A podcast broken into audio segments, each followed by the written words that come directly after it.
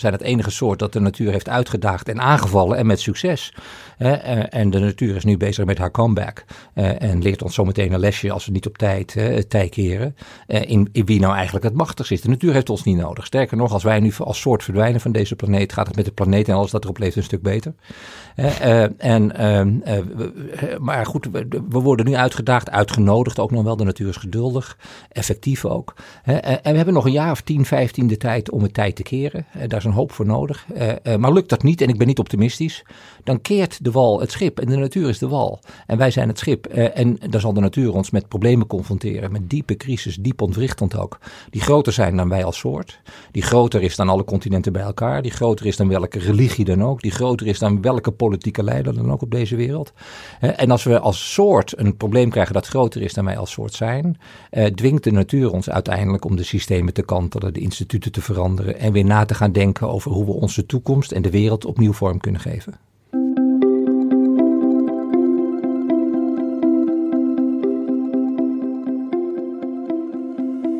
Dit is Het Groene Hart, de podcast van Growthinkers, waarin we op zoek gaan naar het groene hart van onze gasten. Voordat we beginnen met het interview met Ruud Veltenaar, wil ik je voorstellen aan onze sponsor van dit seizoen, Treedom. Treedom plant bomen in 17 landen over de hele wereld. Een bedrijf dat helemaal past bij het groene hart, omdat bomen CO2 uit de lucht halen en we daarmee klimaatverandering tegengaan. Op treedom.net kun je een boom planten in ons speciale Growthinkersbos. Ga naar growthinkers.nl/slash bos, klik op Plant a Tree en gebruik de code GROW15 voor 15% korting op je boom naar keuze. Laten we kijken hoeveel bomen we dit seizoen kunnen planten met deze podcast. En dan nu naar het interview. Voor me zit Ruud Veltenaar, geboren in 1958, inspirerend spreker, invloedrijke toekomstdenker en bestseller-auteur. In aflevering 26, uh, eh, Ruud, van deze podcast vertelde Sophie Hilbrand dat ze een lezing van je had gezien. Oh, en uh, ja, dat je ook voor, voor ons heel interessant was om, om te interviewen. Nou, toen heb ik meteen je boek besteld, uh, Once Upon a Future.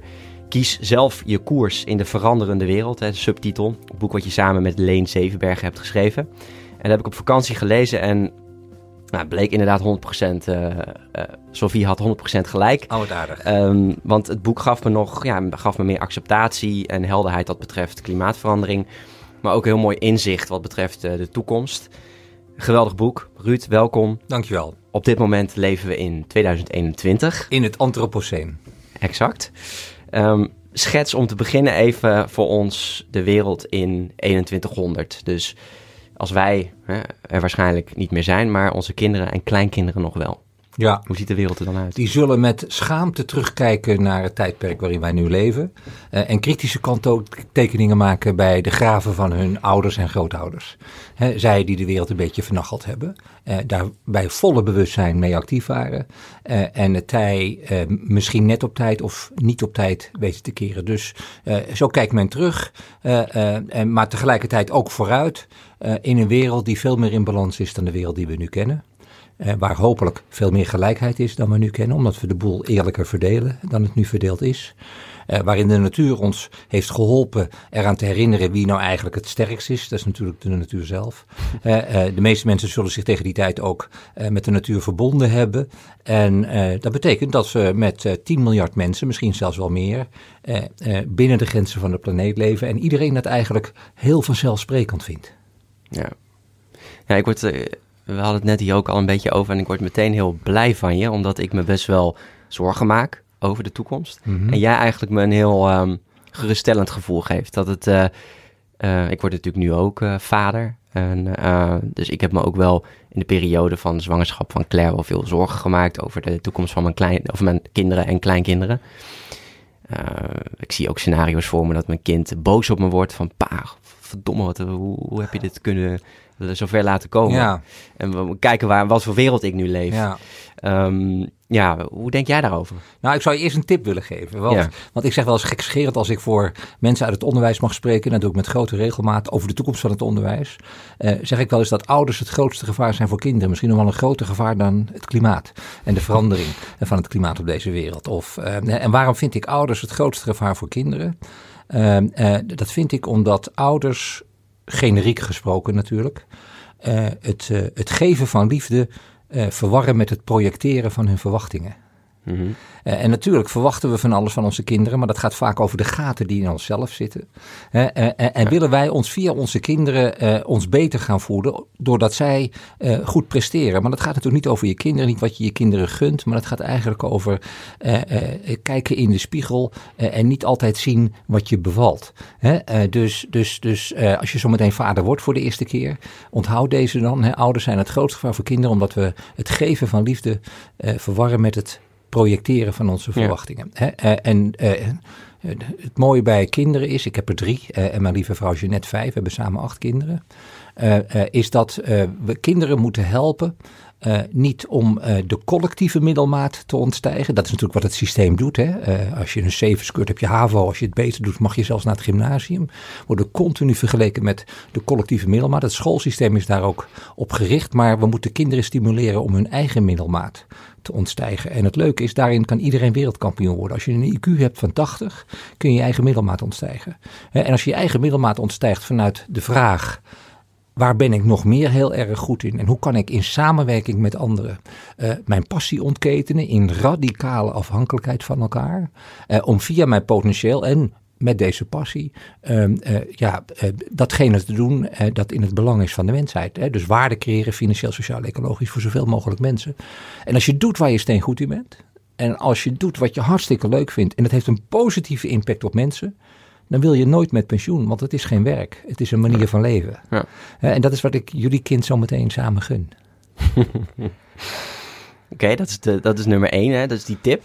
En dan wilde je nog wat zeggen, denk ik, over ehm, ja, die toekomst dan, hoe die toekomst eruit ziet. Ja, nou ja, het, eh, het, mooie is, waarom ben ik nou zo optimistisch over die toekomst? En dat komt omdat ik niet naar mezelf kijk. Het komt ook niet omdat ik naar mijn generatie kijk. Ook niet omdat ik naar de generatie van mijn kinderen kijk. Maar als toekomstdenker, als filosoof, eh, kijk ik vaak naar ons als soort.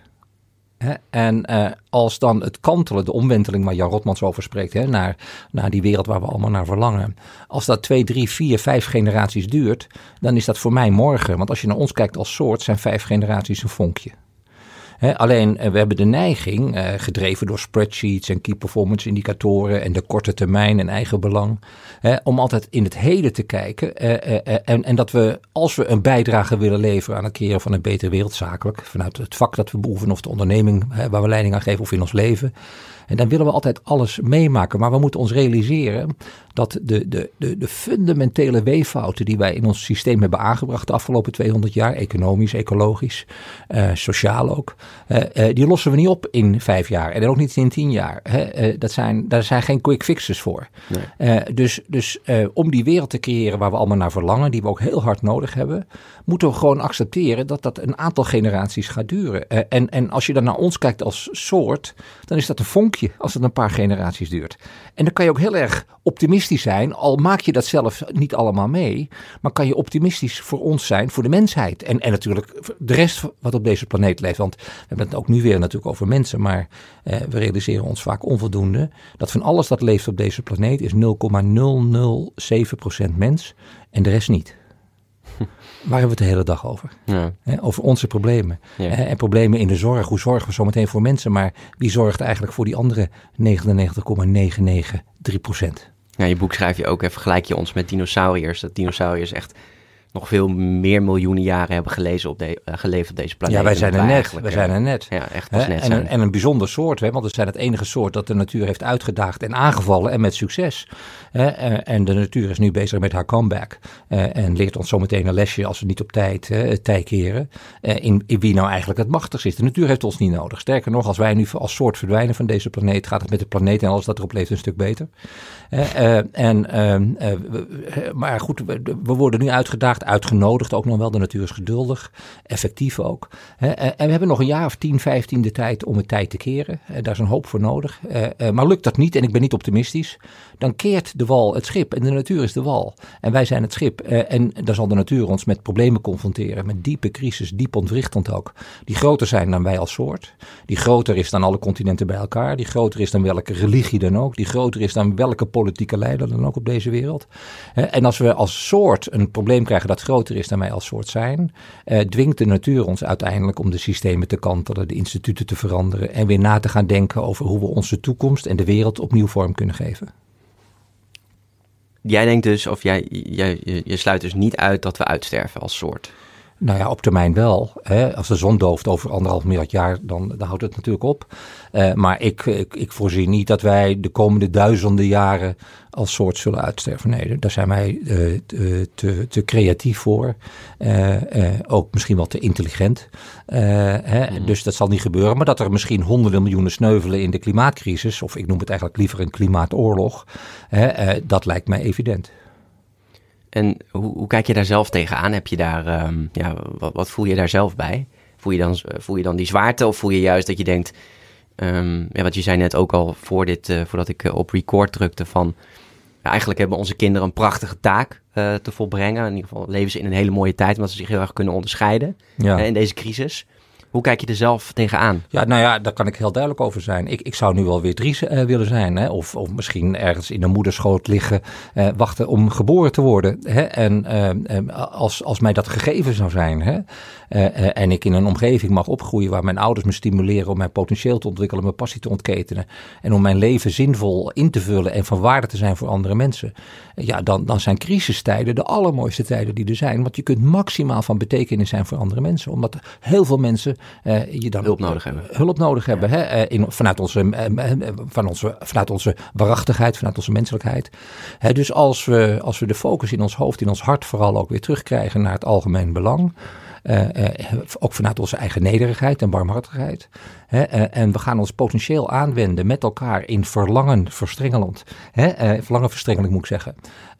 ja, dan, dan, dan wordt het leven een feest in crisistijden. Want we kunnen maximaal van betekenis zijn voor andere mensen. Financieel, sociaal en ook ecologisch. Ja. En mensen vragen me wel eens ook na een lezing van...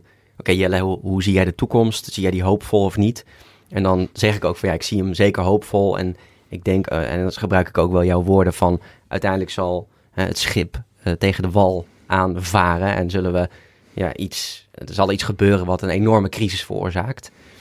maar dan zijn we wel enorm goed in het samenwerken en met elkaar daar iets aan kunnen doen. In, aan de begintijd van, van corona hebben we dat natuurlijk gezien. Hè? Toen we allemaal nog eh, zingend op de balkonnetjes stonden. Hè? En voor het verplegend personeel aan het applaudisseren waren. Toen was er een enorme sociale cohesie. Ja. Hè? En kijk, eh, de, de, problemen die, eh, die appen nu, langzaam, appen nu langzaam weg. en vervolgens zie je allemaal weer belangen en, en in, in individuele belangen vooral aan de horizon opdoemen. dus, dus hebben we er, ja, het lijkt erop, niet veel van geleerd. Nee en die, en die, die, die pandemie, de COVID, is, is toch niet veel meer dan een generale repetitie voor wat eraan zit te komen. Ja. Je schrijft in je boek, in Nederland hebben we daar een gezegde voor, de wal keert het schip. Met andere woorden, er komt uiteindelijk wel een ommekeer, maar die vindt plaats op een harde en pijnlijke wijze. Welk, welk, wat is dat voor jouw gevoel?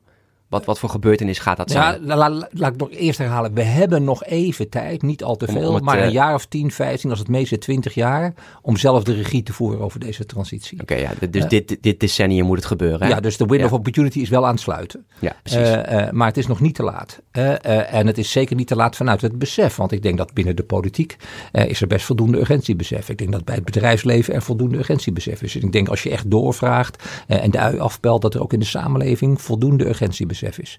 Uh, maar uh, we, we, we, hebben nog niet een, een sterk genoeg collectief verlangen naar die betere wereld. En dat is waar mensen in kunnen veranderen. Als we een collectief, uh, diep geworteld, ongebreideld verlangen hebben naar die betere wereld, dan kunnen wij mm. ons gedrag veranderen. Dat, dat, dat, dat, dat heeft te maken met verlangen, met passie. Dan, dan zijn wij mensen tot hele bijzondere dingen in staat. Tot aan mensen op de maan zetten en, en, en nog extremer.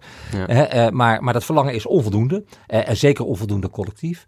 En dan is er een tweede mechanisme eh, waardoor mensen veranderen. En dat is wanneer we een crisis ervaren die groter is dan we zelf zijn. Ja. dus je rookt je hele leven, 50 jaar lang. Uh, je denkt dat het allemaal wel mee zal vallen. Uh, en je krijgt van de longarts te horen dat je longkanker hebt. En je gooit meteen het pakje sigaretten het raam uit. Ja, dan heb je een crisis aan je hoofd die groter is dan je zelf bent. En dan kunnen we zonder pleisters, zonder acupunctuur, eh, kunnen we in één keer veranderen. Nou, dat is met het klimaat en ook met de sociale problemen die we hebben. Identiek. Hè? Dus als de, de problemen in de zorg maar groter worden dan het systeem is en de overtuigingen in Den Haag. Hè? En, en voor zoveel pijn, letterlijk pijn en misschien nog wel verdriet, mensen gaan dood, hè? onnodig. Ja, dan, dan heb je een crisis in de zorg waardoor het systeem uiteindelijk zal kantelen. Maar daar zijn we nog niet. We schrikken er nog steeds niet van dat een ziekenhuis in het oosten van het land vorige week zijn, zijn afdeling verloskunde heeft moeten sluiten omdat er onvoldoende personeel is. Ja. Paul Hawken van het boek Drawdown heeft nu net een boek eh, geschreven, Regeneration. En die zegt ook, ja, er komt een enorme crisis aan als we niks doen hè, op, op korte termijn. Maar 98% is gewoon disengaged, is gewoon niet betrokken. En ook, we zijn net in Italië geweest, je rijdt door Italië. Ik zie geen zonnepanelen, ik zie geen elektrische auto's. Ik heb het idee dat, dat niemand het doorheeft en het, het ook niet beseft. En wat ik heel mooi vond in je boek is het voorbeeld van de pressure cooker. Ja. dus die steeds, uh, die tweede, uh, de evolutie en de revolutie die steeds meer bij elkaar komen. Vond ik fantastisch. Kun je dat even uitleggen hoe dat, zeker, hoe dat zeker. zit? Kijk, in, in, in, in het boek Once Upon a Future beschrijf ik de, de pressure cooker. Dat is eigenlijk de wereld waarin we uh, met z'n allen leven. en die druk in die pressure cooker neemt alsmaar toe. Elke dag neemt die toe. Mm -hmm. Uh, en dat voelen de meeste mensen ook wel. Hè. Dus waar je zegt, ja, er is onvoldoende urgentiebesef als ik door Italië rijd of door Spanje of Portugal. Maar als je mensen onder hypnose zou brengen en zou vragen, maak jij je zorgen over een aantal ontwikkelingen, zal bijna iedereen zeggen, ja, best wel over het klimaat. En best wel over de ongelijkheid. En best wel over mijn eigen toekomst en mijn werk en alles. Hè. Uh, ja, ja. Uh, dus dus dat, dat, bewustzijn is er best wel, maar latent of slapend. En, en zo zitten we met z'n allen in die pressure cooker. En iedereen voelt wel, en ook als je naar buiten kijkt naar de, naar de problemen die we hebben, dat de druk op de samenleving, de maatschappij, op de politiek, op het bedrijfsleven toeneemt. Uh, en dat komt door twee mechanismes. Uh, van onderaf in, in, die pressure cooker zitten een paar grote pedals die omhoog komen en die zorgen dat er meer druk in deze pressure cooker komt. Uh, en dat is de crisis, hè, de, de cumulerende crisis. Ja. En samenvattend zijn er heel veel, maar als je ze wil terugbrengen naar drie, uh, dan uh, is de belangrijkste, uh, maar degene die het langzaamst gaat. Hè, maar de belangrijkste is de ecologische crisis. Hè, klimaatverandering, verlies aan biodiversiteit, extreem weer, noem alles maar op. Mm-hmm. grappig trouwens, hè, in het laatste rapport van het World Economic Forum, het Global Risk Report 2021, zijn van de tien grootste risico's die bedreigend zijn voor onze welvaart en welzijn, zijn er zeven ecologisch vernaard. In 2020 waren dat er nog acht, maar met dank aan COVID is er één sociale bijgekomen, één ecologisch afgevallen. Maar op de eerste plaats van de grootste risico's voor onze welvaart en welzijn uh, staat het onvermogen van de mensheid om er iets aan te doen. Uh, dus, en dat is niet letterlijk onvermogen, maar dat is gewoon het feit dat we, dat we niks doen. Hè? Want we kunnen er een hele hoop dingen aan doen met elkaar. Uh, de, dus die pressure cooker kent een aantal pedals die van onderaf omhoog komen. Eén daarvan is een ecologische crisis, die cumuleert. Uh, en, en, ik denk dat wel 90% van de bevolking weet dat er sprake is van een klimaatverandering die niet gunstig zich aan het ontwikkelen is. Twee is een sociale crisis, die zometeen verergerd, versterkt, verhevigd zal worden door die ecologische crisis. Maar als je zelfs, als je nu aan de buiten kijkt, zie je dat de sociale crisis aan het toenemen is. Ongelijkheid neemt toe. Uh, en niet alleen maar in Afrika ten opzichte van het Westen, maar ook in ons eigen land. Als je middelmatig of minder bent opgeleid, ga je zeven jaar eerder dood in ons land. Um, de, zo zijn er veel voorbeelden waaruit blijkt dat ook in Nederland sprake is van ongelijkheid. Eén op de acht kinderen in ons land gaat met honger naar bed is een vorm van ongelijkheid. Uh, dus, dus de sociale crisis is er al. Uh, en het gaat niet alleen maar over zwart en wit en tussen homo's en hetero's. Het gaat vooral over rijk en arm. Uh, en zij die wel toegang hebben tot de mogelijkheden om hun potentieel te ontwikkelen. En zij die geen toegang hebben tot het potentieel om te ontwikkelen. En dat, daar heb je toegang tot onderwijs voor nodig. Heb je toegang tot zorg voor nodig. Heb je toegang tot allerlei onderdelen die we als vanzelfsprekend beschouwen. maar in ons land neemt die toegang tot je mogelijkheden om je potentieel te ontwikkelen voor de, voor de middenklasse en daaronder nemen af. dus de ongelijkheid in ons land groeit. Dus die sociale crisis is aan het cumuleren en die wordt versneld en verergerd door die ecologische crisis. Mm. Te langzaam cumuleren. Ja, ja, ja, en het derde is, waar de afrekening plaatsvindt, letterlijk en figuurlijk, dat is de economische crisis. Nou, het lijkt erop alsof dat opgelost is. Volgend jaar jubelt iedereen alweer, is er economische groei. zich niet realiseren dat die economische groei ten koste gaat van de planeet en de mensheid. Want we hebben de planeet en de mensen dienstbaar gemaakt aan de economie in plaats van andersom. Uh, uh, dus die drie crisis, ecologisch, sociaal, economisch, die elkaar versterken, uh, die, die, komen langzaam omhoog. Die pedals in die cooker zorgen voor meer druk. En van bovenaf drukt er een gewicht die ook voor meer druk op deze, hè, op de, deze cooker zorgt. dat, is, dat is eigenlijk de staat van het zijn van de mensheid. en de eerste is eigenlijk het bewustzijn wat er zich buiten afspeelt. Urgentiebesef. en bij jullie generatie, jij, jij stelt zelfs je de vraag, goh, zou ik nu eigenlijk wel een kind op de wereld brengen? Dan zou je kunnen zeggen dat er, dat er steeds meer sprake is bij jullie generatie van toenemend urgentiebesef ten aanzien van die crisis die ik onder, mm. even heb samengevat onder die drie. Ja. dus toenemend urgentiebesef betekent meer druk op het systeem. Uh, als je vanuit dat urgentiebesef ook meer begint te verlangen, dat is de tweede pijler, hè, de tweede gewicht dat op die, op die drukt. als, als, als, er, als het verlangen naar een betere wereld onder jonge mensen en onder oudere mensen met een jonge geest toeneemt, krijg je vanuit bewustzijn en verlangen naar een betere wereld meer druk op het systeem. Ja. Als die jonge mensen en andere goedwillenden uh, zich met elkaar gaan verbinden, en dat zijn we aan het doen, of het nou een protestmars is op het, uh, Rijksmuseum, bij het Rijksmuseum, of we verbinden ons via internet, hè, maar er zijn inmiddels bijna een miljard uh, cultural creatives, mensen die echt elke dag als een levensstijl bezig zijn om de wereld te keren waar we naar verlangen. Niet van maandag tot vrijdag, dan is het werk, niet tussen acht en vijf, maar gewoon ze staan ermee op en ze gaan ermee naar bed. Het is een onderdeel geworden van hun systeem, het zit in hun DNA en in hun genen. Hmm. en dan hebben we er bijna een miljard van over de hele wereld, mensen die bewust zo leven leven en daarin andere mensen inspireren. Dat noem ik de verbinding. Dus naarmate we ons meer verbinden met elkaar vanuit het urgentiebesef en het verlangen, komt er meer druk op de ketel, meer druk op het systeem, meer druk op de politiek, meer druk op andere mensen. Goh, eet jij vlees? Goh, vlieg jij eh, naar, eh, naar Spanje toe voor 80 euro om dingen te kopen die je al hebt? Eh, en dan is die laatste, dan gaat het zich manifesteren. En manifesteren betekent vanuit een open hart. Ik verlang naar een betere wereld, een open mind. Ik weet dat het noodzakelijk is. Krijg je een open wil, dan krijg je een intrinsieke motivatie om een bijdrage te leveren aan het creëren van een betere wereld. Bedrijven kunnen daar geld aan verdienen, daar is niks mis mee. En als samenleving hebben we gewoon de menselijke taak en verantwoordelijkheid om dat op te pakken. En het is ook een ongekend genoeg om dat te doen. Dus die vier bewustzijn, verlangen, verbinding met elkaar en verbinding met de natuur natuurlijk ook. En verbinding met zelf. Wie wil ik zijn en wat wil ik betekenen voor andere mensen in tijden van crisis. Uh, en dan vanuit die drie uh, het, het gaan manifesteren. Je, je, eigen maken als een levensstijl. Met toenemende crisis, ja, dan neemt de druk in die pressure cooker ongekend toe. Ja. Uh, politiek probeert af en toe een klein beetje de symptomen te bestrijden en wat druk uit die ketel te laten. Uh, maar dat is mm. natuurlijk niet een structurele oplossing. Die druk zal meer toenemen dan de politiek daaruit kan laten ontsnappen.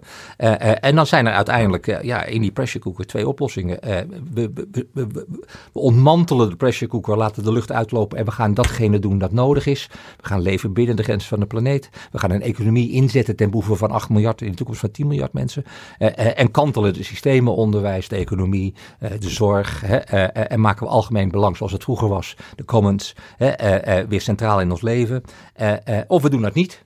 En dan barst de pressure cooker, neemt de natuur het over, creëert die sociale en economische problemen van een omvang die wij als soort nog nooit hebben meegemaakt. en, en, ja, en dan gaan we het gewoon met elkaar regelen. Maar dat is een minder plezierige route. Die is hobbeliger, die is pijnlijker, die kost meer geld, meer verdriet, ook meer doden op termijn. Uh, uh, maar die brengt ons ook een betere wereld. Dus daarom ben ik zo ja. ongelooflijk optimistisch. A, omdat het de leukste tijden zijn om in te leven, want je kunt een bijdrage leveren. en het komt op het eind altijd goed. Ja, want dat, dat zeg je wel. Hè? Het is echt een kwestie van een paar generaties en dan herstelt het zich weer. Ja, ja ik, denk, ik, ik, denk dat we, dat, dat, we, dat we dit niet snel gefixt krijgen in, uh, in twee, drie, vier regeerperiodes. Of in vijf schoolplannen. Uh, uh, of in twee ondernemersplannen. Dit is een, een traject dat een fundamentele verandering vraagt van onze systemen. Van onze manier van denken, van onze manier van leven. onze manier van laten. Niet alleen maar van doen, maar vooral onze manier van laten.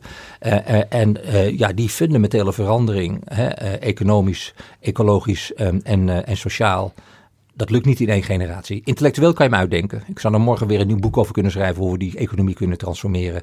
Hè, en hoe we van een samenleving een ecologische samenleving kunnen maken. Hè. Dat, kan je, dat kan je doordenken, daar kan je met mensen over praten, toekomstdenken, filosofen, ecologen. Uh, uh, en dan heb je die wereld zo geschetst. Uh, maar we praten over een fundamentele gedragsverandering van mensen, van 8 miljard mensen. en niet alleen ten aanzien van de planeet en ecologie, maar ook natuurlijk onderling, hoe we met elkaar verbonden zijn, of het ontbreken van die onderlinge verbindenis.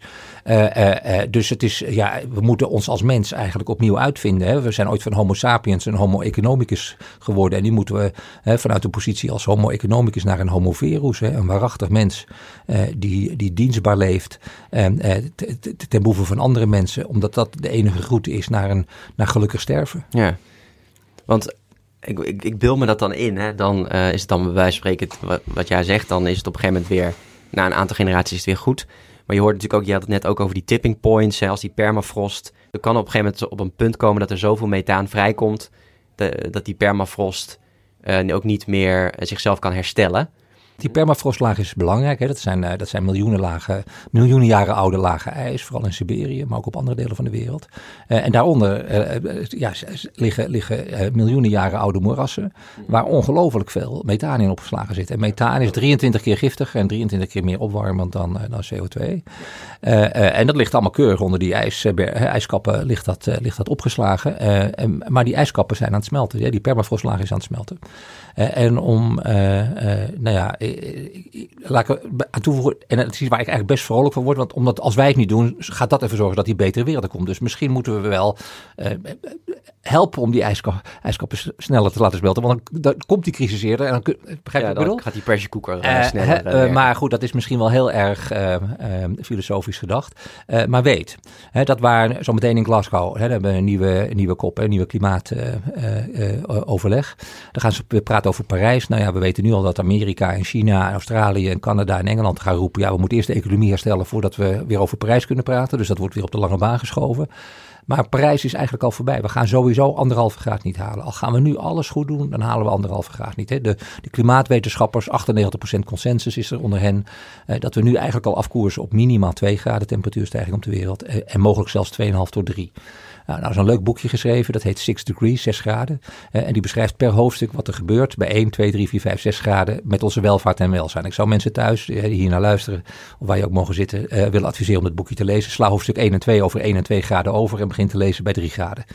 Maar even naar die permafrostlaag. Bij anderhalve graad, Parijs, als we het daartoe beperkt weten te houden, dan smelt de Noordpool één keer per eeuw in de zomer helemaal weg. Het heeft ongekende consequenties voor, voor ons klimaat, vooral voor de weersomstandigheden. Want we krijgen heel veel zoetwater, dat gaat meanderen. Daardoor veranderen de weersomstandigheden, ook in Europa, vooral in Europa ook, op het noordelijk halfdeel. Uh, uh, dus bij, bij anderhalve graad uh, smelt de Noordpool één keer per eeuw in de, in de zomer helemaal weg. Dus verschrikkelijk voor ijsberen, hè, maar voor ons als soort misschien ogenschijnlijk niet zoveel. Bij 2 graden, dus dan komt er een half graadje bij. Hè, je zou zeggen, ja, daar merk ik als mens helemaal niks van. Of ik nou 36 of 36,5 heb, daar merk ik niks van. Maar voor de planeet is het dramatisch, een half graadje erbij. Want bij 2 graden smelt de Noordpool één keer per decennium helemaal weg. En als de Noordpool zomers helemaal smelt, is ook een heel groot deel van die permafrostlaag gesmolten. Mm want daar is het nog minder koud dan op die Noordpool. uh, dus met het smelten van de Noordpool één keer per eeuw, of als het 2 graden wordt, één keer in de 10 jaar gemiddeld, smelt ook een heel groot deel van de permafrostlaag en komt dat methaan vrij in onze atmosfeer. Eh, en zal de aarde daardoor sneller opwarmen dan waar nu binnen de huidige uh, uh, modellen, en zeker binnen Parijs, rekening mee wordt gehouden. Ja. Dus, dus de wereld moet zich echt voorbereiden op 2, 3 graden temperatuurstijging. En het verschil in vluchtelingen is, bij anderhalve graad praat je over 100 tot 200 miljoen klimaatvluchtelingen. en bij 2 tot 2,5, 3 graden praat je over anderhalf miljard klimaatvluchtelingen volgens de Verenigde Naties. En ik kan wel zeggen, dat is verschrikkelijk, hè, want we oefenen nu met wat Afghanen en dat gaat niet lukken om die naar Nederland te krijgen of naar Europa. Dat zijn er nog maar enkele duizenden. Nu hebben we het over misschien wel anderhalf miljard klimaatvluchtelingen.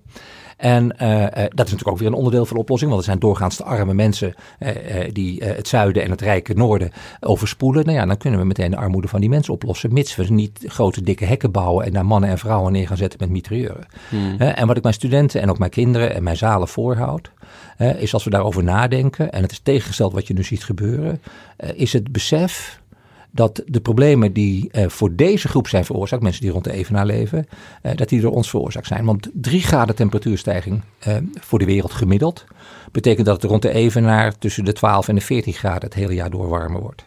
en dat betekent dat waar 1,3 miljard mensen leven rond de evenaar, dat het daar het hele jaar door in de tweede helft van deze eeuw boven de 50 graden is nou dan sterven je, uh, je, je eiwit af, ja. uh, ga je dood. Kan je lichaam niet uh, dus, dus, dus dat is, een, dat, is, dat, is, dat is dramatisch. Ik kan nog steeds zeggen, dat is, dat is hun probleem. Hè. We nemen het offer van 1,3 miljard mensen nemen we voor lief om ons rijkdom te beschermen. Zo, zo handelen we nu. Hè. maar we moeten ons daarbij het volgende beseffen. En dat is ook belangrijk in je voorbeeldfunctie naar kinderen. Is, uh, wie is nou de veroorzaker van het probleem dat die mensen zometeen naar het noorden en naar het zuiden vluchten? Zijn dat allemaal economische vluchtelingen of zijn het echt klimaatmigranten? En dan moeten we terug in de geschiedenis. En we hoeven de geschiedenisboekjes maar open voor te slaan. Wij zijn 200, 300 jaar geleden met onze schepen die kant uitgevaren. Uh, en hebben we tegen kralen en spiegels daar heel veel grondstoffen weggehaald. Dat doen we nog steeds tegen een uh, zeer marginale beloning. Uh, dus we hebben die gebieden echt, echt leeggeroofd in ruil voor eigenlijk niets van waarde. en die mensen, nou ja, totaal verbijsterd, ontheemd achtergelaten. En daarna zijn wij, met dank aan de rijkdom die we daar dus weggehaald hebben, zijn wij wij, Westerlingen, op grote schaal fossiele brandstoffen gaan verbranden. Waardoor het bij ons 2 graden warmer wordt, maar daar 14 graden. Uh, en wat, wat zeggen we nu als dank tegen die mensen? Uh, jij moet daar blijven, want dit is van ons, daar heb jij geen recht op. Nou, dat is krankzinnig. Ja. He, mensen die zo denken uh, en dus geen historisch besef hebben, zijn misschien haast wel geen mensen. He, dat, dat, dat, zijn, dat zijn, die zijn erger dan, dan wilde dieren geworden, die alleen maar aan zichzelf denken. Alleen nog maar jagen uit eigen belang. Ja. en, en zich niet meer bewust zijn van hun bijdrage. En niet zozeer hun, hun, hun letterlijke bijdrage, maar van hun voorvaderen. Ja. en, ja, en daar moet je een appel doen bij onze kinderen op hun menselijkheid en op barmhartigheid. En zeggen wij moeten geen hekken bouwen uh, en wij moeten geen geweren aan de grens zetten. Maar wij moeten onze armen en harten openen om die mensen welkom te heten. Om al het onrecht dat we de afgelopen honderd jaar hebben aangedaan, om dat recht te zetten. Ja. Uh, en daar ligt natuurlijk weer ongelooflijk genoegen en uitdaging voor jonge mensen. Dat ze zeggen daarvoor moeten we het systeem veranderen. Moeten we van het neoliberalisme af. Moeten we van het kapitalisme af. En dan kan er een socialere vorm van kapitalisme voor terugkomen. En dan gaan we de boel opnieuw herverdelen. Niet omdat we dat heel graag willen, maar ook omdat het heel erg nodig is. Want je gaat anderhalf miljard mensen, ja, die passen niet op Samos of op Lampedusa. Hè? En die hou je ook niet tegen met hekken bij, eh, bij, bij de Sahara richting Spanje. Nee. En je houdt ze ook niet tegen met geweren bij Turkije. Het zijn er te veel. Hè? Uh, dus dus uh, ja, daar kunnen we ons nu al mentaal, maar ook qua systemen op voorbereiden. Nou ja, dat doen we natuurlijk niet. Hè? dus ik ben niet optimistisch over de korte termijn. als het gaat om het oplossen van de problemen. Maar in deze crisis die cumuleert sociaal, financieel en ecologisch, zit de oplossing geborgen. We hebben geen keuze. Ja. Ja, wat mijn grote vraag uh, eigenlijk was uh, toen ik ook je, uh, het boek las van dat jij zei van nou een aantal generaties en dan komt het weer goed. Ja. en we hebben het ook inderdaad, je hebt net die permafrost mooi uitgelegd, thanks daarvoor. Maar er zijn nog wel een paar andere tipping points ook die, die, die er kunnen gaan gebeuren, waardoor het echt best wel gaat exponentieel fout gaat. Hoe ziet dat dan straks er weer uit als het gefixt is? Hoe, hoe krijgen we die aarde dan weer leefbaar? Dat, dat was mijn grote vraag ook ja, het is, het is, het boeklas. Het, het, is pretentieus om te veronderstellen dat wij mensen de aarde weer gaan fixen. Uh, want wij kunnen de aarde niet fixen. Nee. Uh, de natuur is veel groter dan wij zijn. Wij, zijn. wij zijn niet de exploitant van de natuur. Wij zijn niet de rentmeester van de natuur. Wij zijn natuur wij zijn gewoon een boom. onze, onze armen zijn takken. Alleen wij hebben het vermogen om cynische grapjes te maken. en ons bewust te zijn van onze omgeving. Maar wij zijn allemaal sterstofjes. net zoals een boom en een varken zijn wij mensen sterstofjes. en dat betekent dat wij de komende generaties, deze eeuw, volgende eeuw, heel ons best zullen doen om te overleven. Ons opnieuw te verbinden met de natuur ons opnieuw verbinden met elkaar. En ons opnieuw te verbinden met zelf. Wie wil ik zijn en wat wil ik betekenen tot aan de kist voor andere mensen. Dus verbinden met de natuur vanuit het besef dat we natuur zijn. Verbinden met elkaar vanuit het besef eh, dat we allemaal gelijk zijn. Hè? Niet allemaal hetzelfde zijn, maar wel allemaal gelijk of minstens gelijkwaardig zijn. Uh, en, en verbinden met zelf. Nou ja, en, en, en terwijl wij daar heel druk met onszelf en hopelijk ook heel druk met het, al het andere leven op deze planeet hè, bezig zullen zijn, zal de natuur zich herstellen. Zoals ze dat al miljarden jaren doet. en dat uh, gaat in een, in een korte periode? Nee, dat gaat niet in een periode. Dat gaat heel lang duren, stapje voor stapje. maar de natuur heeft nooit haast, want die heeft bijna een oneindigheid aan tijd. Ja. dus hoe ziet het dan? Dus als het herstel uh, uh, 5000 jaar zou duren om op het niveau te komen waar het 50 jaar geleden was, is dat voor de natuur niet veel meer dan een paar nanoseconden. Nee, precies. Uh, uh, dus, dus de natuur zal het herstellen, mits wij binnen de grenzen van de planeet gaan leven. Hè. Dus mm. die Earth Overshoot Day, hè, die komen dit jaar ergens in augustus uit. maar die gaat alweer naar voren toe. Hè. zodra wij door onze manier van leven aan te passen, consumeren, produceren, wij binnen de grenzen van de planeet leven, ja, dan geven we de natuur de gelegenheid om zichzelf te herstellen. maar we moeten niet de illusie hebben dat wij natuur kunnen maken. Ja, we kunnen een veluwtje aanleggen. geweldig, voor, fijn voor de wolven en de hertjes. maar wij moeten niet uh, de illusie hebben dat wij de aarde, de natuur, als wat we nu verkloten, dat wij dat even gaan herstellen, omdat we eh, bij de les zijn zometeen. Dat gaat de natuur zelf regelen. Dat is een hele fijne gedachte dat de natuur dat regelt. Want Ja, dat is mooi, ja. ja, die is zoveel sterker, eh, niet intelligenter, maar wel zoveel sterker dan wij zijn. En zoveel consequenter en zoveel effectiever ook dan wij zijn. ja. Dus ge- geef de natuur maar de ruimte. Maar dan wil ik, ik wil toch dan even een soort beeld hebben van... Oké, stel nou, het is 2300, ehm, er is heel veel gebeurd. Hoe ziet het leven er dan uit? We hebben, hebben die weer extreme, maar daar zijn we dan beter in geworden om daarmee te leven. Er is misschien nog een klein deel van de mensheid over die, die het heeft gered. Hoe ziet dat er dan uit? Voordat we gaan luisteren naar het antwoord van Ruud, eerst dit. Wij kunnen de natuur niet fixen, maar we kunnen wel een handje helpen. Hoe? Door bijvoorbeeld bomen te planten. Wat als je je eigen boom zou kunnen planten in een gebied getroffen door de opwarming van de aarde en zijn verhaal online kunt volgen? Dankzij Treedom, het bedrijf dat iedereen in staat stelt om met enkele klikken online een boom te planten, kun je zelf een soort boom kiezen en zijn verloop online volgen. Elke boom krijgt een eigen webpagina waarop iedere gebruiker een foto van zijn boom en de GPS-coördinaten kan zien en regelmatig updates ontvangt. Voor meer informatie over hoe je de planeet op een leuke manier groener kunt maken, ga naar www.freedom.net. En daar kun je ook een boom planten in ons speciale Growthinkers bos. Ga naar growthinkers.nl slash bos, klik op Plant a Tree en gebruik de code GROW15 voor 15% korting op je boom naar keuze. Laten we kijken hoeveel bomen we dit seizoen kunnen planten met deze podcast. En dan nu terug naar Ruud. Er is misschien nog een klein deel van de mensheid over die, die het heeft gered. Hoe ziet dat er dan uit? Ik heb, geen, ik heb geen flauw Nee. idee. Maar om heel eerlijk te zijn ook, het interesseert me eigenlijk eh, ge- ge- geen moment hoe de wereld er in 2300 uitziet. Geen idee. Dus, eh, ehm, eh, als, we, als, we, als we 100 jaar teruggaan nu hè, eh, en, en we schetsen 100 jaar geleden de wereld die er nu is, dan zou je, dan zou je opgesloten worden. Hè, dus, dus wie ben ik om nu een beeld te schetsen van hoe de wereld er sociaal, ecologisch, financieel, menselijk, hoe die er. Ik heb, geen, ik heb geen idee. En ik denk er eigenlijk ook nooit over na. Nee. Hè, ik denk vooral heel erg na hoe kunnen we uit de omstandigheden waarin we nu verkeren, door ons gedrag te veranderen, ervoor zorgen dat we een maximale bijdrage leveren aan het creëren van een wereld, van een wereld waar we allemaal naar verlangen. En leiderschap en menselijkheid gaat dan vooral over vanuit je hart, hè, vanuit je zijn, eh, het goede voorbeeld geven voor anderen. En als heel veel mensen zich daarmee bezighouden en minder met zich zorgen te maken over hoe het er in 2300 uitziet, eh, dan maken we nu langzaam stapjes naar een betere wereld. Ja. Dat is genoeg. Laten we dan, laten we dan een stap maken naar... Oké, wat kunnen we dan daaraan doen? Hè, dus ehm, eh, jij, zegt, jij zei net ook al eh, voor het interview van... Het gaat om het creëren van een, eh, niet een circulaire, maar een regeneratieve economie met z'n allen. Ja. Ehm, eh, geef ons wat, eh, en ook ik ben trouwens ook heel benieuwd naar dat passie ontketenen, hoe we dat doen. Maar geef ons allereerst wat dingen die we als mens, eh, de, de luisteraar die nu luistert, wat, wat kan hij of zij doen om... om Goeie om, vraag. Ja, om dat, Hè, om- kijk, het, het is niet alleen maar eh, hè, dat we kunnen wijzen naar Den Haag of naar Brussel of eh, naar Washington eh, of naar Peking en zeggen zij moeten het doen. Hè, natuurlijk hebben de politici een belangrijke agenda te vervullen. Ja.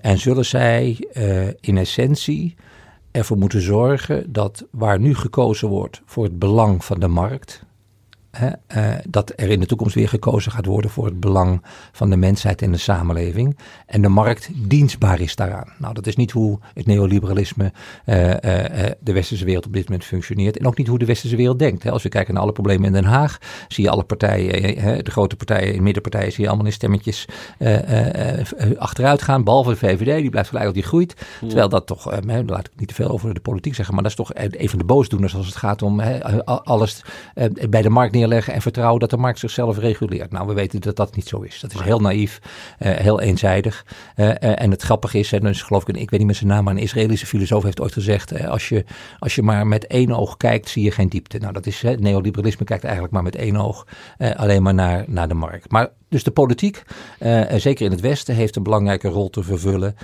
dat waar een markt dominant is, moet een overheid gaan reguleren. Om ervoor te zorgen dat de markt weer in balans komt met de andere belanghebbenden, de planeet en de mensheid. ja, en dat dus niet BBP belangrijk wordt, maar onze wel, welvaart en welzijn. Ons, vooral ons welzijn. Ja, Hè? precies. Eh, dat, is, dat is belangrijk. Eh, eh, en dat, en dat, er, dat er echte vooruitgang komt. En dat is niet alleen maar welvaart, maar het is ook inderdaad het welzijn van mensen. Dat we ons kunnen ontwikkelen. Dat iedereen de kans krijgt om zich te ontwikkelen. En niet om het beste van de wereld te worden, maar om het beste voor de wereld te zijn. Hè? Dat, is, dat is een heel ander, heel ander doel. En daar heeft de overheid een veel belangrijke rol te vervullen. En dat is niet socialistisch, dat is niet marxistisch, dat is gewoon menselijk. en dan moeten we en passant ook nog meenemen dat er 99,993% op deze planeet niet menselijk is, waar we ook voor moeten zorgen, want we zijn ervan afhankelijk. Uh, dus, dus dat is, dat is, en daar wil ik verder niet zoveel zeggen over, maar dat is, de overheid heeft daar een belangrijke rol te vervullen.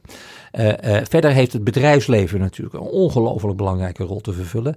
En het bedrijfsleven moet, moet eigenlijk van, van, van shareholders capitalism transformeren naar stakeholders capitalism. Hè? dus die moet zich meer gaan beseffen dat, dat een bedrijf een instrument is om echte vooruitgang te creëren voor zoveel mogelijk mensen. Dat de aandeelhouder een belangrijke stakeholder is, maar niet de belangrijkste. Maar dat, dat de planeet en de klanten en de medewerkers uh, uh, belangrijke stakeholders zijn dan een heel klein groepje aandeelhouders die zich wil verrijken. dus het bedrijfsleven moet een transitie ondergaan dat ze minder denken vanuit doing well, geld verdienen, marktaandeel, return on investment. We kennen de wereld wel, het, het Anglo-model, Anglo, Anglo Anglo-Amerikaanse model. Uh, uh, en als het bedrijfsleven uh, meer gaat acteren, en de B-corps in deze wereld doen dat, hè, vanuit doing good. Wij zijn er als bedrijf om van waarde te zijn, financieel, mm. sociaal, ecologisch. We doen dat met non-negotiable values, dus het mag niet ten koste gaan van de planeet. Het mag ook niet ten koste gaan van mensen en van menselijkheid. en binnen die uitgangspunten, doing good, waarde creërend, als ik dat op een sociale en op een ecologisch veranderde manier doe, verdien ik geld. als resultante. Dus doing good resulteert in doing well. Uh, de meeste bedrijven denken nu in doing well zoveel mogelijk. En als we dan heel veel verdiend hebben, doen we een klein beetje good. Hè, is verkeerde volgorde. Uh, uh, dus, dus winst maken is niet een doel op zich, is een resultante. Dus bedrijven moeten leren, mensen ook, maar bedrijven moeten vooral leren dat ze veel meer moeten acteren vanuit de bedoeling. Waarom bestaan wij als bedrijf? dan vanuit de doelen. Uh, de wereld van doelen zijn key performance indicatoren, spreadsheets. Voordat je het weet noem je mensen fulltime equivalents, bonussen in spreadsheets. Uh, en denk je dat het resources zijn. En dan heb je een programma dat heet duurzame inzetbaarheid. en dan ga je mensen leren om effectiever, efficiënter, meer winst te maken voor dat bedrijf. Mhm. maar, maar dat is niet de wereld waar we naartoe moeten. Dat is hoe het nu 150 jaar is. dus, dus, dus doing good is veel meer de wereld van human being management. hoe kan ik het potentieel van mijn mensen verder ontwikkelen, hun eigen middelmaat laten ontstijgen.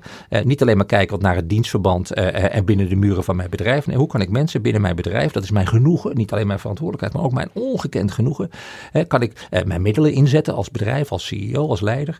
dat mijn mensen zich ontwikkelen, hun eigen middelmaat ontstijgen, dat ze met elkaar en binnen het netwerk hun passie ontketenen, zodat ze van waarde worden. En als ze dan ergens anders buiten mijn bedrijf meer van waarde kunnen zijn, dan laat ik ze echt, dan, dan, stimuleer ik ze om een stap naar buiten te maken.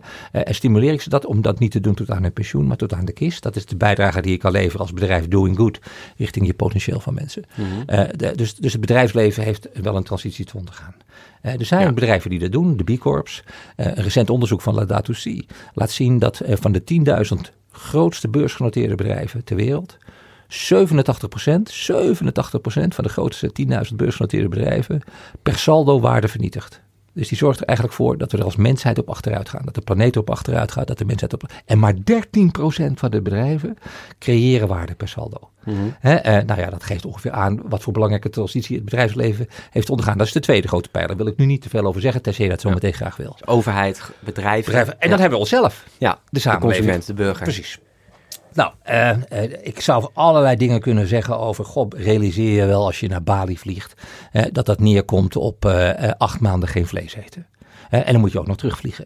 Eh, dus je mag vooral naar Bali vliegen. Eh, eh, maar dan zou je moeten afspreken met je gezin dat je met z'n met vieren, als je met z'n vieren bent, dat je tussen de 1 en de 2 jaar geen vlees eet. Want dan heb je die vlucht in ieder geval gecompenseerd. Nou ja, dat, is, dat, dat klinkt heel, heel vervelend. dat willen mensen ook niet. ik vroeg laatst aan iemand die naar Bali vloog. Hij zei, ja, wat ga je dan doen? Ja, dan ga ik allemaal rondrijden en rondtrekken en op het strand liggen. En misschien een beetje plastic opruimen. Er was wel een, een stukje ideologie bij. Ik zei, en s'nachts, het is dat bloedheet. Het is 4, 35 graden. Ja, dan doe ik airconditioning aan. Ik zei, maar hoe hoezo doe je de airconditioning aan als je in Bali bent? Ja, dat is bloedheet, kan ik niet slapen. Zeg, maar waarom ga je dan naar Bali? Uh, ja, ja, omdat er airconditioning units zijn. Hè? Dus, dus het, is, het is een besef hè, uh, dat, dat, dat groter moet zijn dan een, een klein offertje dat je brengt. Hè? En dan kunnen we het hebben over elektrisch rijden. We kunnen het hebben ook over minder rijden. Hè? We hebben nu in corona geleerd dat heel veel mensen uh, thuis bijna net zo goed kunnen werken op kantoor.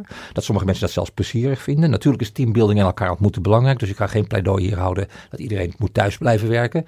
Maar je zou wel kunnen nadenken, zeker in de dienstverlening en ook wel in andere gebieden, dat de helft van je tijd thuis werken. Nou, dat scheelt de helft aan woonwerkkilometers. Dat zijn heel veel kilometers met en met benzineautootjes. En daarmee helpen die Earth Overshoot alweer een stukje naar achter. Dus, dus het, Ja. het is vaak simpeler dan je denkt.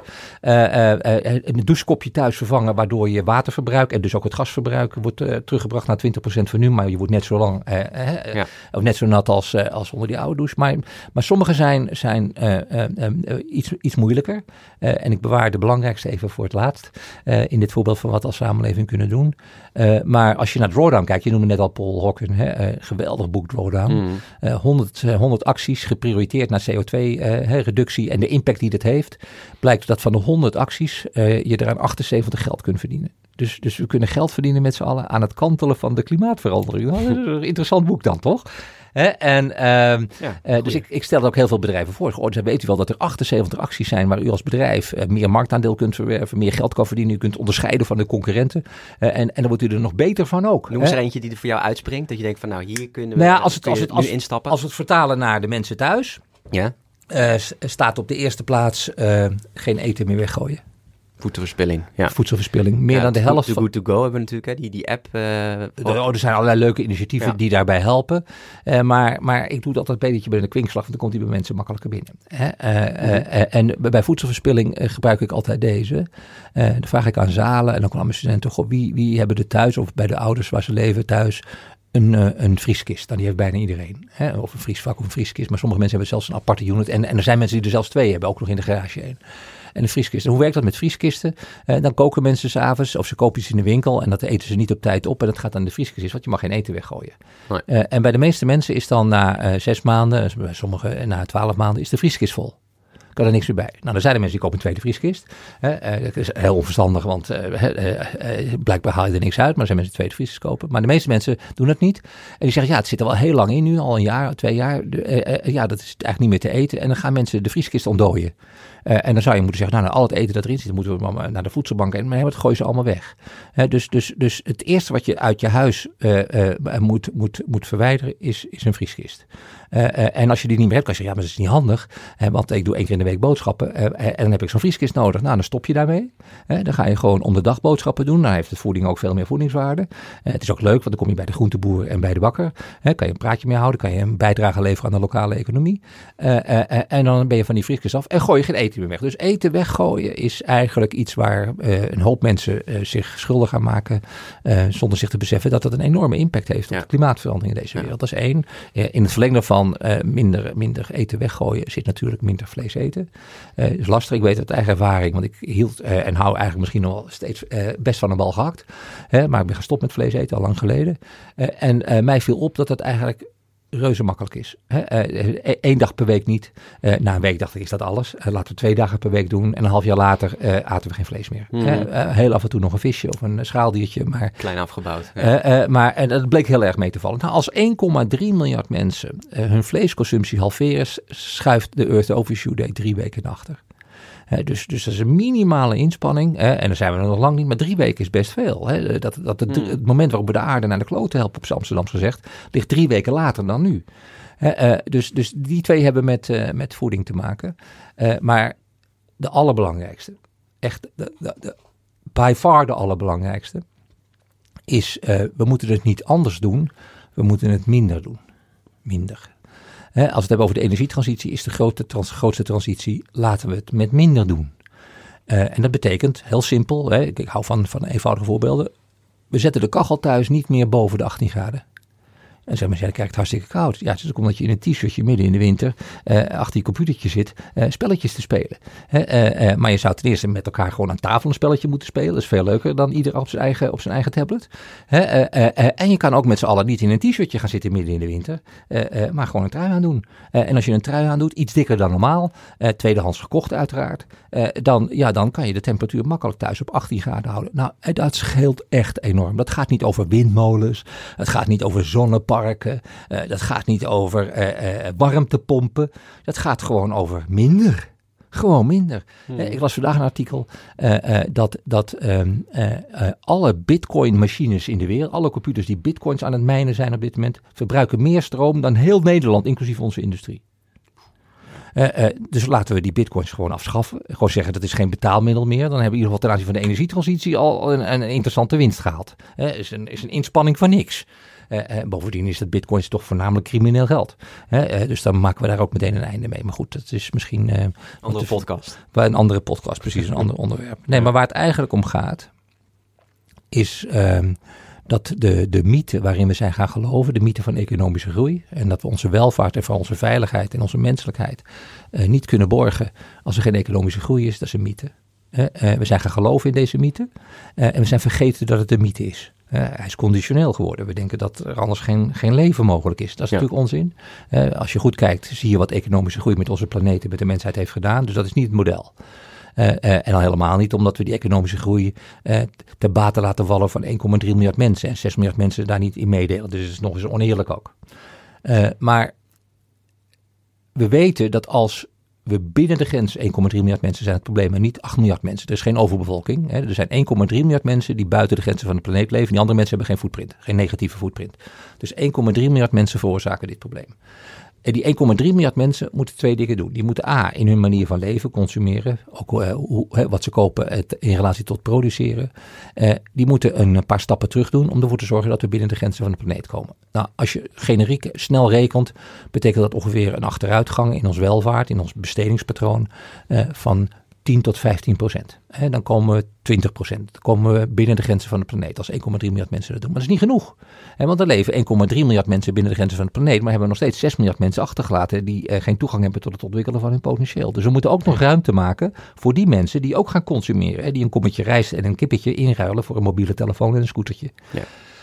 Nou, als we ook voor hen ruimte moeten maken, dus we moeten ruimte maken voor de planeet om binnen de grenzen te komen, en we moeten ruimte maken voor die 6 miljard mensen die langzaam maar zeker toch onze kant op komen, moeten we verder terug in onze welvaart. Misschien wel 30 tot 40 procent. Nou, daarvan zeggen mijn zalen, Ruud, dat is onmogelijk en dat is onmogelijk omdat we ons allerlei dingen hebben aangemeten, schulden hebben, uh, een manier van consumeren hebben toegeëigend. en we nooit op school hebben geleerd, en van onze ouders hebben geleerd hoe je kunt downsizen, hoe je met minder heel gelukkig kan leven. Dat is een prachtige reclame van Triodos.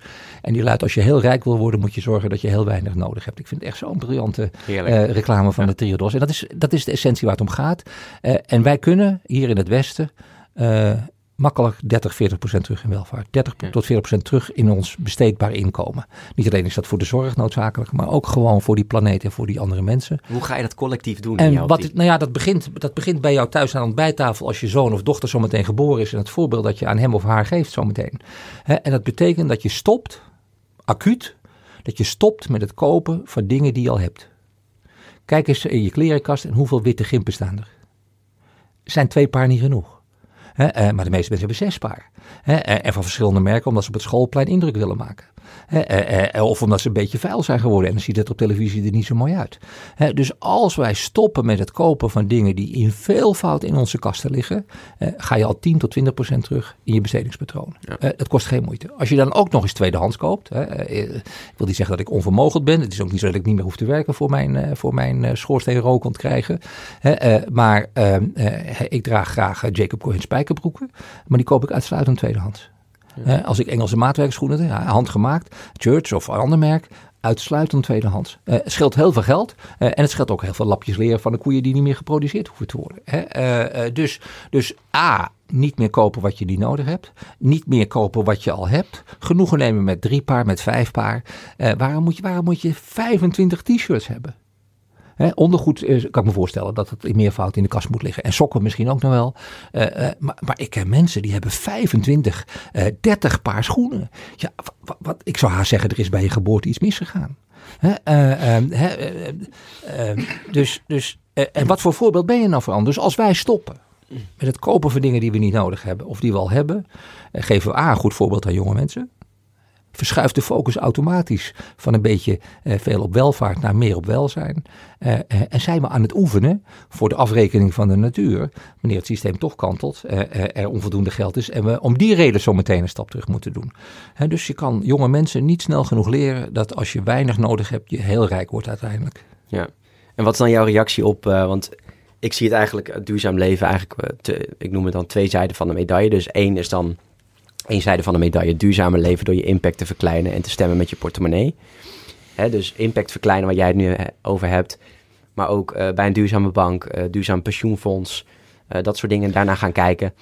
Dat is, dat is waar. Eh, maar, maar laten we, als we ons zo bewust gaan worden van ons leven en van onze impact. Hè, mhm. Want als je iets koopt, is niet alleen een economische impact in jouw portemonnee en aan degene aan wie je dat geld geeft, maar het is ook een sociale en een ecologische impact. Bij alles wat je koopt, eh, zeg je iets tegen de planeet en zeg je iets tegen de mensheid. Hè, naar het sociale pak. Dus iets kopen is ecologisch, sociaal en financieel een economische daad.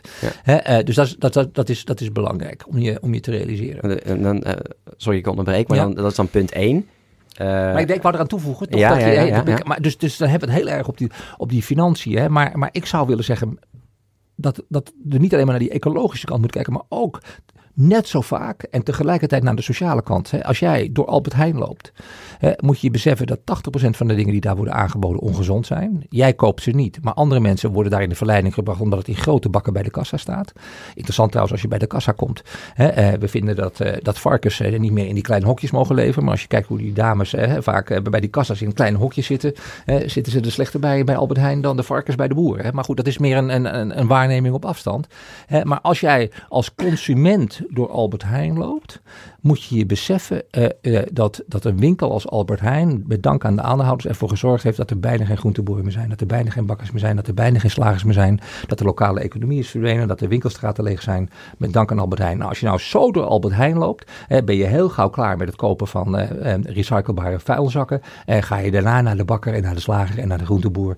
koop je bovendien spullen die 80% meer voedingswaarde hebben, betaal je wel iets meer. En daar ligt de uitdaging voor de overheid. We moeten niet de boeren goedkoper laten produceren of de fruittelers goedkoper laten produceren. We moeten arme mensen iets meer geld geven, dat ze ook gezond kunnen eten. dus het is een herverdeling eh, eh, door de problemen bij de wortel aan te pakken en niet het symptoom te bestrijden. Dus dat is weer die, die systeemverandering inderdaad. En dat is eigenlijk punt twee. Dat is dan uh, het streven naar collectieve en politieke maatschappelijke verandering. En ehm, ik zie dat een beetje als twee zijden van de, van de medaille. Je hebt ook wel ja, je hebt ook mensen die zeggen van um, dat consumentenactivisme en zo, dat, dat moet er allemaal uit. Het gaat echt over die grote bedrijven en die overheid. Maar daar ben ik het dus niet mee eens. Hè? Nee, dus ik ben heel benieuwd. Beide is nodig. Ja, precies. Alles stelt. Ja, ja, nou ja, alles stelt, maar misschien is wat jij doet en wat ik doe, een druppels op een gloeiende plaat. En is dat niet doorslaggevend. En natuurlijk is dat niet doorslaggevend uh, in, het, in het geheel. Maar wij zijn elke dag een voorbeeld voor anderen dat moeten we ons beseffen. Leiderschap in deze tijden, in crisistijden, zeker met de crisis die nu zo aan het cumuleren is, hè, is leiderschap zich gericht op acteren vanuit de bedoeling, algemeen belang. Uh, met waardes waar je nooit compromissen sluit. Zelfs niet als dat leidt tot uh, ontslag. Uh, of ik kan mijn hypotheek niet meer betalen. Er zijn waardes waar je nooit compromissen sluit. Dan kan je altijd in de goede richting blijven uitgaan. Dat is gekoppeld aan de bedoeling. Mm. en als wij een voorbeeld kunnen zijn in ons leiderschap. We leiden ons eigen leven, maar ook naar andere mensen toe. door te acteren vanuit de bedoeling, rekening houdend met waar we allemaal radicaal van afhankelijk zijn. Van elkaar en de planeet en alles wat erop leeft. dan, dan, dan inspireer jij minstens één persoon per week, minstens één persoon per week, die niet jou gaat volgen, maar die ook gaat leiden. Managers creëren volgelingen door te zeggen wat je moet doen en hoe je het moet doen. Maar leiders creëren leiders door een voorbeeld te zijn eh, vanuit het acteren vanuit de bedoeling, met de, met de waarden waar je nooit compromissen sluit. Dus, dus, dus, dus, dat betekent dat jij in jouw leven niet 52 per jaar, 520 in 10 jaar en, en een paar duizend in je leven. Nee, want elke leider die je creëert en vanuit zijn genen, zijn DNA zo gaat leven en een voorbeeld gaat worden voor anderen, creëert er ook één per week. Ja. Dus jouw impact uiteindelijk is tienduizenden, misschien wel honderdduizenden mensen groot. Alleen je merkt er niks van. uh, maar als jij zegt, ja, maar ik moet het maar werken, anders doe ik het niet. Ja, dan moet je een familieopstelling doen, want dan heb je een ander probleem. Uh, dus dus um, dus wij, 17 miljoen Nederlanders, die kunnen niet het verschil maken ten opzichte van 1,3 miljard Chinezen. Eh, overigens is onze CO2-uitstoot per hoofd van de bevolking veel hoger dan, eh, dan in China. Dus die doet dat daar toch iets beter.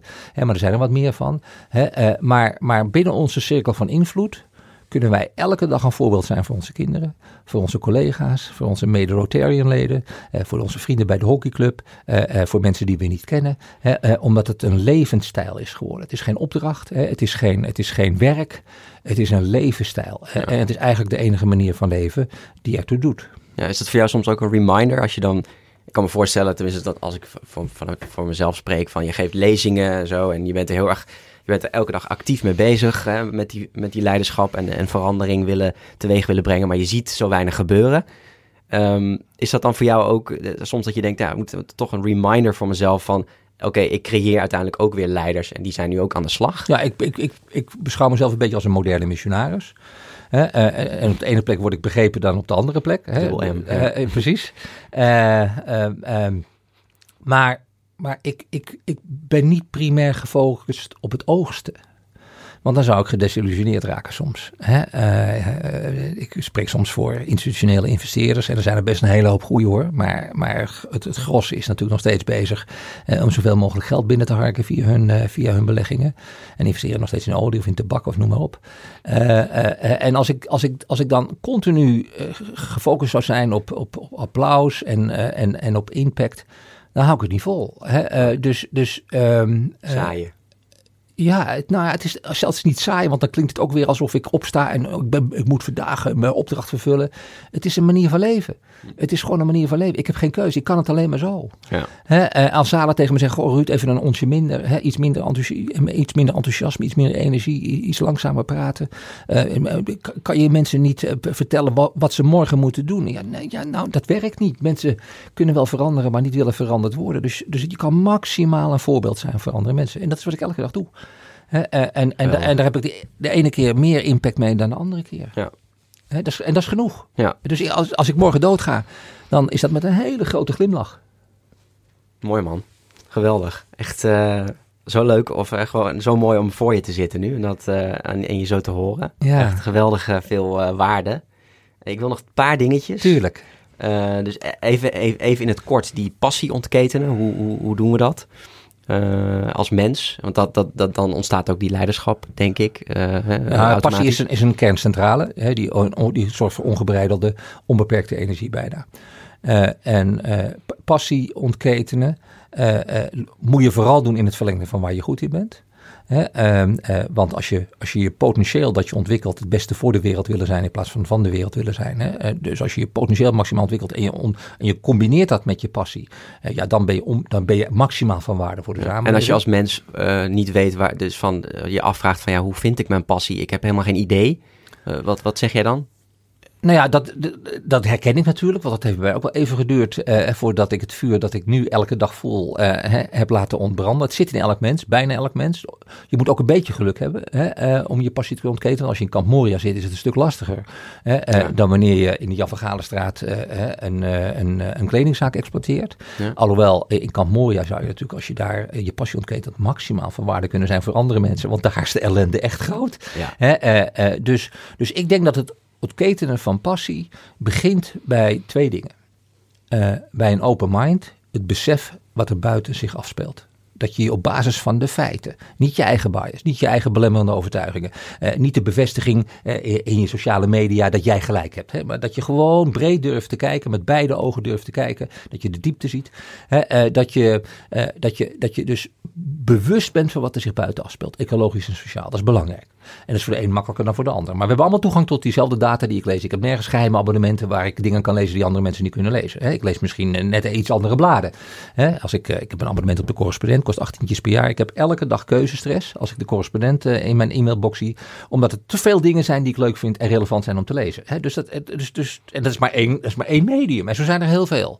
Eh, dus, dus bewust worden op basis van de feiten, vertrouwen op de wetenschap, eh, generiek gesproken, bewust worden van feiten. En twee, eh, heel veel visualiseren met je vrienden, met andere mensen, met, met gelijkdenkenden, maar vooral ook met andersdenkenden. Het visualiseren als we nou als, als buitenstaander, als alien terugkomen op aarde met alle kennis die we hebben. en we mogen de wereld opnieuw inrichten. Hoe ziet het er dan uit? Nou, en dan komen we allemaal tot, een, tot tekeningen, tot invullingen, tot visualiseringen, die, die anders zijn dan wat de wereld nu is. En dan krijg je een gemeenschappelijk verlangen. En als je je bewust bent van de dingen die zich afspeelden. En als je een verlangen krijgt naar een betere wereld en verbinden ons met elkaar. Dan, dan, dan staat je, je passie echt helemaal in de fik. Ontketend. En eh, ja, nog, eigenlijk nog twee dingen. Eh, hoe kunnen wij die natuur een beetje helpen om weer in balans eh, te komen? Ja, dat, dat, daar heb ik eigenlijk anders. Ehm, we kunnen het een zetje geven. Mhm. Eh, maar we moeten niet de illusie hebben dat wij de natuur even snel herstellen, zoals we het eh, snel hebben verkloot. Eh, en dat hoeft ook niet, want de natuur zorgt wel voor zichzelf. Maar ik mag binnenkort spreken op een, op een beurs. Meesters in de tuin heet het, voor allemaal hoveniers. Is niet mijn vak. En veel daarvan zijn bezig om stenen te leggen en stadstuinen aan te leggen. en om meer geld binnen te harken en tevreden klanten te krijgen. maar ik ga met die groep praten over hoe kun je nou, als je hovenier bent, in gesprek met je klanten en hoe je tuinen inricht, je verbinden met de natuur. Dat is een voorbeeld hoe dichtbij het is. Mhm. en of je nou een balkon hebt of twee hectare, maakt niet veel uit. maar door je te beseffen dat als je op je balkon naast je conifeer staat of in je tuin staat van 100 vierkante meter, die vol staat met hortensia's, omdat het zo mooi is van die prachtige plantjes je te beseffen dat als je buiten je tuin kijkt, zie je biodiversiteit. Zie je de natuur en zie je alle, als het goed is, eh, nog wat inheemse soorten. Als je die niet ziet, kijk je even in de bosatlas wat de inheemse soorten waren die er ooit waren. Eh, en denk je na met je hovenier, eh, maar dat kan ook zonder hovenier natuurlijk. Dat kleine stukje natuur dat ik in en buiten huis heb.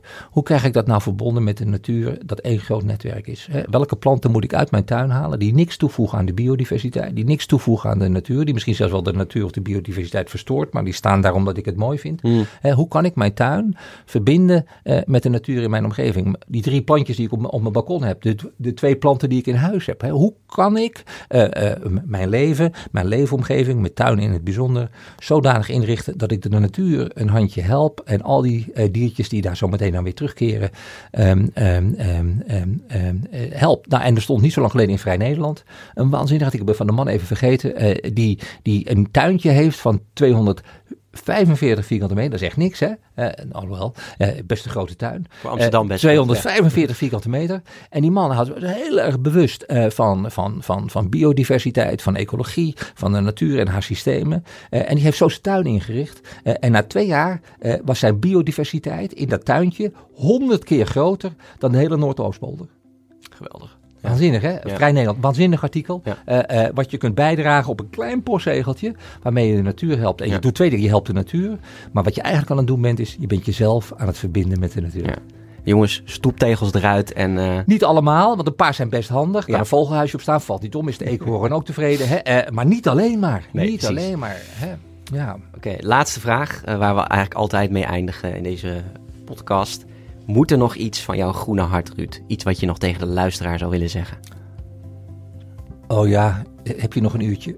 Uh, Binnen vijf laat minuten. Ik, laat ik, nee, laat ik, ik kan het veel korter. Uh, laat ik afsluiten met, ehm, met twee dingen. Voordat Greta bij de Verenigde Naties mocht spreken, de beroemde uitspraak waar een hele hoop mensen van alles van vinden, maar meer van Greta dan van de dingen die ze zei. Uh, maar voor haar sprak een ander meisje, jonger dan Greta, uit Afrika, ook voor de Verenigde Naties. Zij kreeg tien minuten om de Verenigde Naties toe te spreken. Klein Afrikaans meisje, ik denk dat ze niet ouder is geweest dan tien. Prachtige krulletjes in haar haar, van iets van kraaltjes in haar haar. En ze staat tegenover die 500 plus machtige mannen en vrouwen op een kistje. Gebrekkig Engels. En ze zei tegen die mensen in 20 seconden tijd: If not you, then who? If not now, then when? And if not here, then where? En toen ging ze weer weg.